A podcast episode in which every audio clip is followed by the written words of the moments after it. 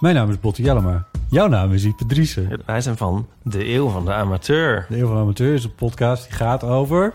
Alles. Het is een eh, podcast over levenskwesties die je niet kunt googlen. Een soort licht neurotische blik op het leven. Het is een podcast met humor. Jezus. Kijk, een grapje. Die, die vragen durft te stellen en die je ook onbeantwoord durft te laten. Mooi. met een regenboogvlagje. Dat, dat noem je queerbot. Dat an- regenboogvlagje, dat klinkt echt als een soort... Eh, ik bedoel, iedereen is welkom. Kom ons luisteren in je favoriete podcast-app.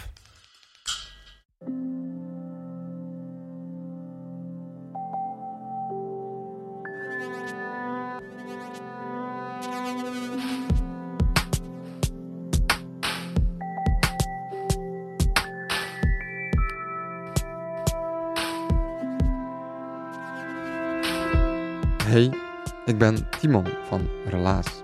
Geen Pieter deze week, die is er een weekje niet, maar jouw relaas die blijft wel gewoon hetzelfde.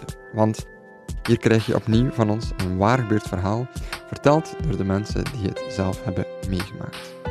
En dat is deze week het verhaal van Joost. Joost neemt ons mee naar zijn roots en toont zijn geboortegrond, zijn wortels. We maken kennis met zijn familiestandboom.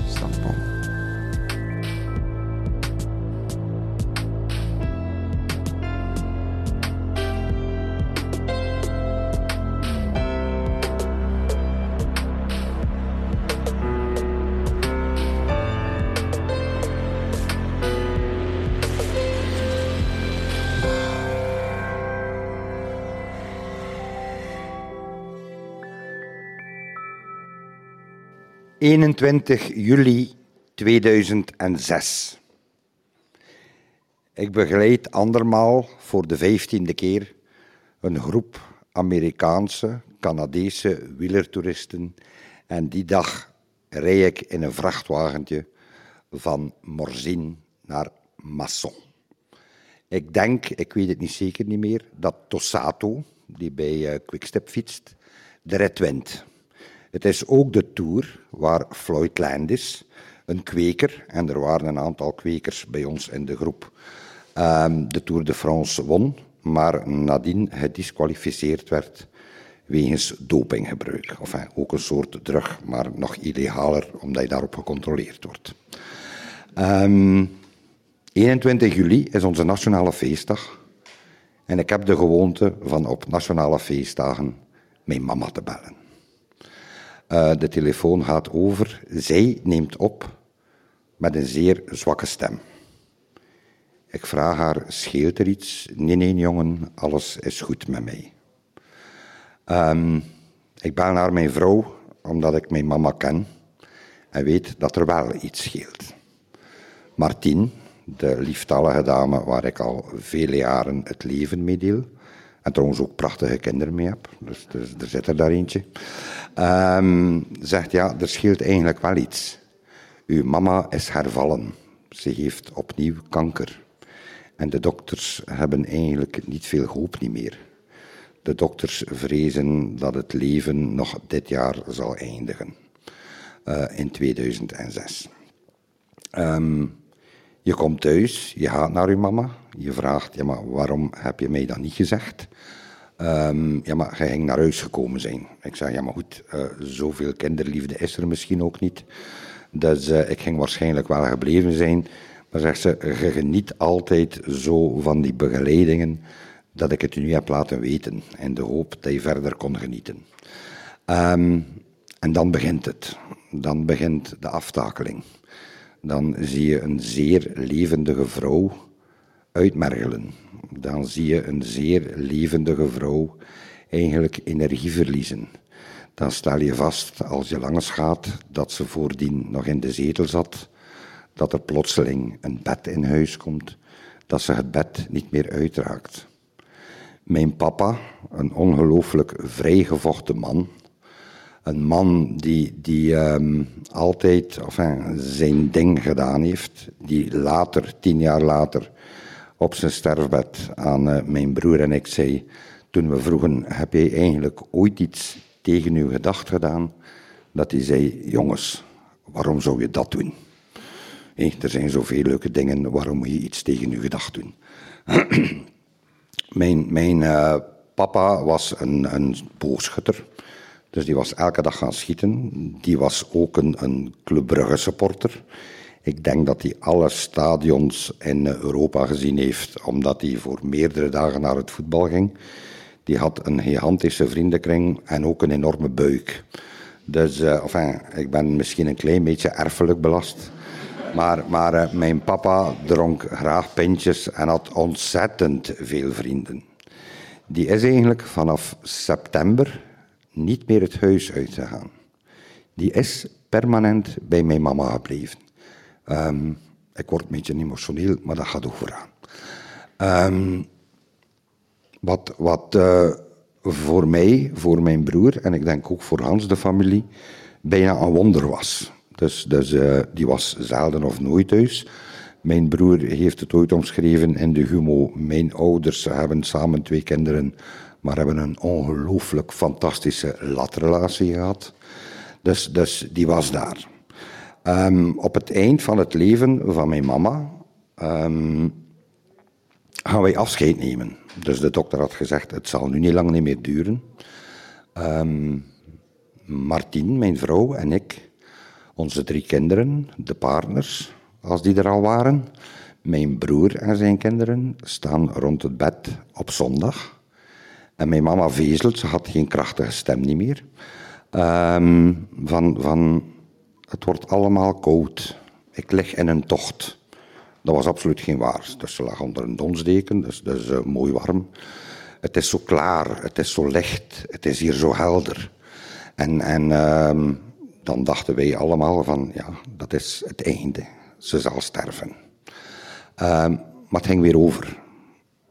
Dus, plotseling kreeg ze terug warm, werd het weer donker, zag ze terug kleuren. Um, het is dan zondagavond, zeven uur, acht uur. De kindjes moeten naar school, de ouders moeten gaan werken. Dan, dan uh, nemen mijn broer en ik afscheid van onze vrouwen en kinderen. Uh, omdat wij alle twee een job hebben, hadden, hebben, uh, dat we zeer gemakkelijk vrij af konden nemen. En op dat moment begint eigenlijk, wat aan mij betreft, naast de geboorte van mijn drie kinderen, een van de mooiste weken van mijn leven. Iedereen het huis uit en wie schiet over? Twee broers en hun ouders. Een mama die ligt weg te kwijnen, een papa die zorg draagt en twee broers die ongelooflijk onwennig zijn met die situatie. Twee broers die daar zitten, weten alles staan. We zijn ook opgegroeid in dat huis. Uh, we koken, dan zegt papa, ja maar moemoe gaat dat niet lusten. Moemoe gaat dat niet moeten hebben. Dus wij zitten daar. De persoonlijke zorgen gebeuren door mijn vader. En dat komt er dan op neer dat hij moemoe helpt om op een potje te gaan als ze naar het toilet moet. Ik wil het jullie niet meegeven. Ik kan onmogelijk stank verdragen. Er zijn hier mensen die dat kunnen getuigen. Maar, maar stoelgang van iemand die doorkankerd is, is echt rot. Dat stinkt ongelooflijk. Dus ik moest iedere keer het huis uitlopen, gevolgd door mijn broer, omdat wij daar niet tegen konden. Mijn papa kon dat wel. Mijn mama sliep ook verschrikkelijk veel. Waardoor wij terug tijd hadden om samen te zijn. Waardoor vader en zijn twee zonen s'avonds rond tafel zaten en een gezelschapsspel speelden. Um, mijn papa was dan 60 jaar oud en hij had eigenlijk van ons drie veruit het beste gehoor. Van als hij gekreun hoorde, van als hij gepiep hoorde van zo'n ziekenhuisbed dat ze binnengebracht hadden, dan stond hij eigenlijk direct op en ging kijken of dat er iets was. De twee broers zitten daar en, en uh, ja, moeten iets doen. Van mij wordt gezegd dat ik een tamelijk goede pen heb. Ik, ik begin dus al aan een soort afscheidsreden. Um, dat is lastig. Dat is lastig omdat je ook, ook met een levend iemand nog bezig bent. maar eigenlijk ook afscheid neemt en het op papier zet. Dat is denk ik gemakkelijker, of dat is voor mij nadien ook gebleken, als je dat maar doet als ze ook overleden zijn. Maar een afscheid schrijven van iemand die er nog is, is verdomd lastig. Hoe dan ook ben ik daar nadien ongelooflijk tevreden over. Dus, dus uh, dat is werken, herkouwen, schrappen, bijvullen, nuanceren. Um, ik ga dat hier misschien voor straks houden. Wat ik vaststel, is, is de fijnheid, de warmte, de gevoeligheid van terug samen met een broer die intussen ook, ik weet, 40 jaar oud is, naar die kamer te gaan waar wij samen gepuberd hebben. Om terug samen in een kamer te leggen met twee bedjes die waarschijnlijk nooit in 20 jaar tijd nog door iemand beslapen geweest zijn. Perfect weten welke kant er van wie was. En eigenlijk ook terug kind te worden. Ook terug kind te worden en verhalen op te dissen van toen dat wij klein waren van toen dat wij, en we waren alle twee geen, geen flinke kindjes. We waren alle twee wat ze noemen uh, absoluut niet kwaadaardig, maar altijd averechts, tamelijk uh, rebels. Ik herinner me ook nog dat wij van bed gehaald geweest zijn toen dat we 17, 18 jaar waren op een zaterdagmiddag door de politie, omdat er weer iets gebeurd was in dorp. En dat men zeer snel naar ons verwees. Dus, dus wij konden vertellen. Het is in die zin een, een uh, mooie week, omdat wij ook terug tijd hadden voor elkaar. Anders kom je elkaar tegen op familiefeest, er is van alles te doen, maar, maar eigenlijk kun je terug een soort diepgang creëren, geankerd, verankerd in een verleden. Ik denk dat donderdagavond klopt er iemand aan de deur, zoals het in elk dorp gaat, wordt er niet aangebeld aan de voordeur, maar binnengestapt langs de achterdeur. Um, en er staat een man voor mij. Ik weet niet meer hoe dat hij noemde, maar ik denk Mark. En die zegt van, ja, ik ben van de palliatieve dienst. Ik kom uw mama bezoeken. En ik zeg tegen die man, dat is fijn. Ik vind dat fantastisch dat je dat doet. Ik vind dat ongelooflijk edel en nobel. Maar het is niet nodig. Wij zijn hier nu. Ik hoor mijn mama kreunen en tamelijk luid. En ik ga er naartoe. Ik zeg, maar wat is er? Ja, maar laat hem maar binnenkomen. Ik ben op me neergetrapt. Ik denk, what the fuck? Ik ben hier nu als zoon. Mijn broer is hier, dat is uw andere zoon. En eigenlijk, een wildvreemde mag je dingen komen doen dat wij eigenlijk ook kunnen. Want die man deed eigenlijk niks meer dan de arm of de hand van mijn mama strelen. En met zo'n wattenstaafje, een oorstoksken, dat wij zeggen. Uh, en water doppen en haar lippen en tong bevochtigen. Hij doet dat een uur en hij zegt geen woord. Ik dacht, godverdomme, dat is hier, kan ik dat toch ook allemaal? Dus uh, die man verdwijnt en ik zeg van bedankt in elk geval, je hebt dat goed gedaan. Ik zie ook aan mijn mama dat ze daar deugd van gehad heeft. Um, ik ga naar Momo en ik zeg, waarom vraagt hij dan niet aan ons om, om zoiets te doen? Zeg ja, maar als jullie dicht bij mij komen, dan wil ik nog altijd mama zijn. Dan wil ik jullie nog tips geven. Dan wil ik zeggen van, let op de kleintjes. Wees niet te streng voor de kleintjes. Heb pietijd met de wereld. Maak er het beste van. Let op iedereen die niet mee kan zorg goed voor papa. En als die een nieuw lief heeft, zijt er niet kwaad op. Dus, dus um, hij verdient dat. Um, en dan denk ik van ja, eigenlijk, waarom zie ik dan niet dat, dat in een dichte relatie die onvoorwaardelijkheid zo sterk is en zo sterk kan zijn, dat je dat eigenlijk als dichtste of als naaste of misschien op weer getrapt bent. In elk geval, zij, zij was blij dat er iemand kwam tegen wie ze zich niet moest verantwoorden. Aan wie ze de vraag niet moest stellen, maar ze heeft ook een week de tijd gehad om dat te doen. Um, ik hoop, vandaar dat ik dat ook een zeer mooie week vind, dat wij er ook allemaal ooit in slagen om, om op die manier afscheid te nemen om te vragen wat zij deed. Ja, maar heb ik dat goed gedaan? Was ik een goede mama? Was ik niet te streng op de momenten dat ik het niet moest zijn? Was ik er als jullie mij nodig hadden? Heb ik misschien een aantal beslissingen genomen waar dat jullie niet achter stonden? Heb ik jullie geforceerd om een weg uit te gaan? Enfin, op dat moment zei je natuurlijk altijd nee. En ik moet eerlijk zeggen, het was ook altijd nee. Dus, dus uh, de vrijheid die wij genoten hebben, heeft ervoor gezorgd dat ik zeer geslaagd ben in het leven.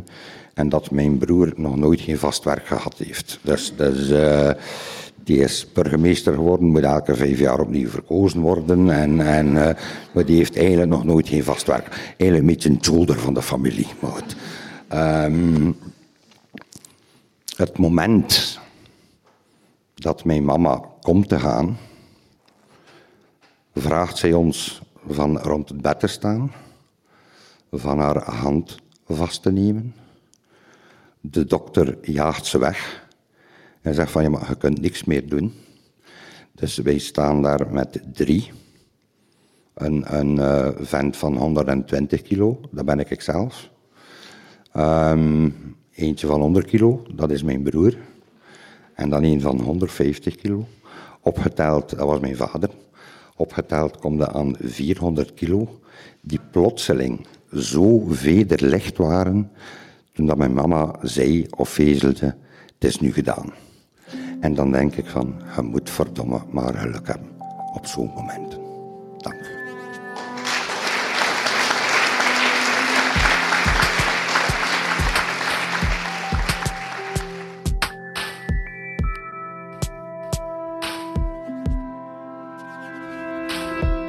Dat was het verhaal van Joost. Hij vertelde het op 20 september in het Trekhostel in Gent. Het was het laatste verhaal van de avond en het was zo'n verhaal waar het publiek stiller van werd. En nog een beetje stiller. En dan eindigde in een bad vol warmte.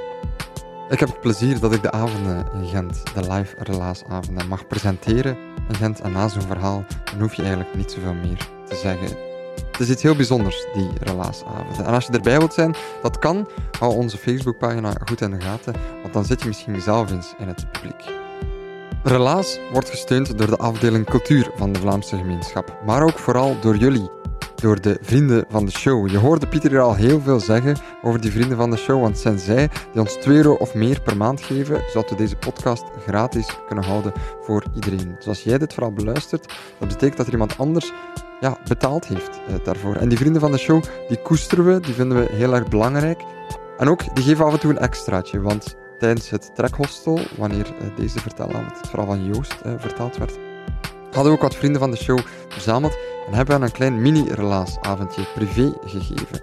Exclusieve verhalen voor die vrienden van de show. En belangrijk, we duiden ook graag aan wie dat allemaal zijn. Want deze week, onze vriend van de show die we extra in de kijker willen zetten, is Carla. Dankjewel Carla. Wij blijven graag relaas doen met jouw steun. Blijven luisteren. Elke week krijg je van ons een nieuwe relaas. Hopelijk tot volgende week.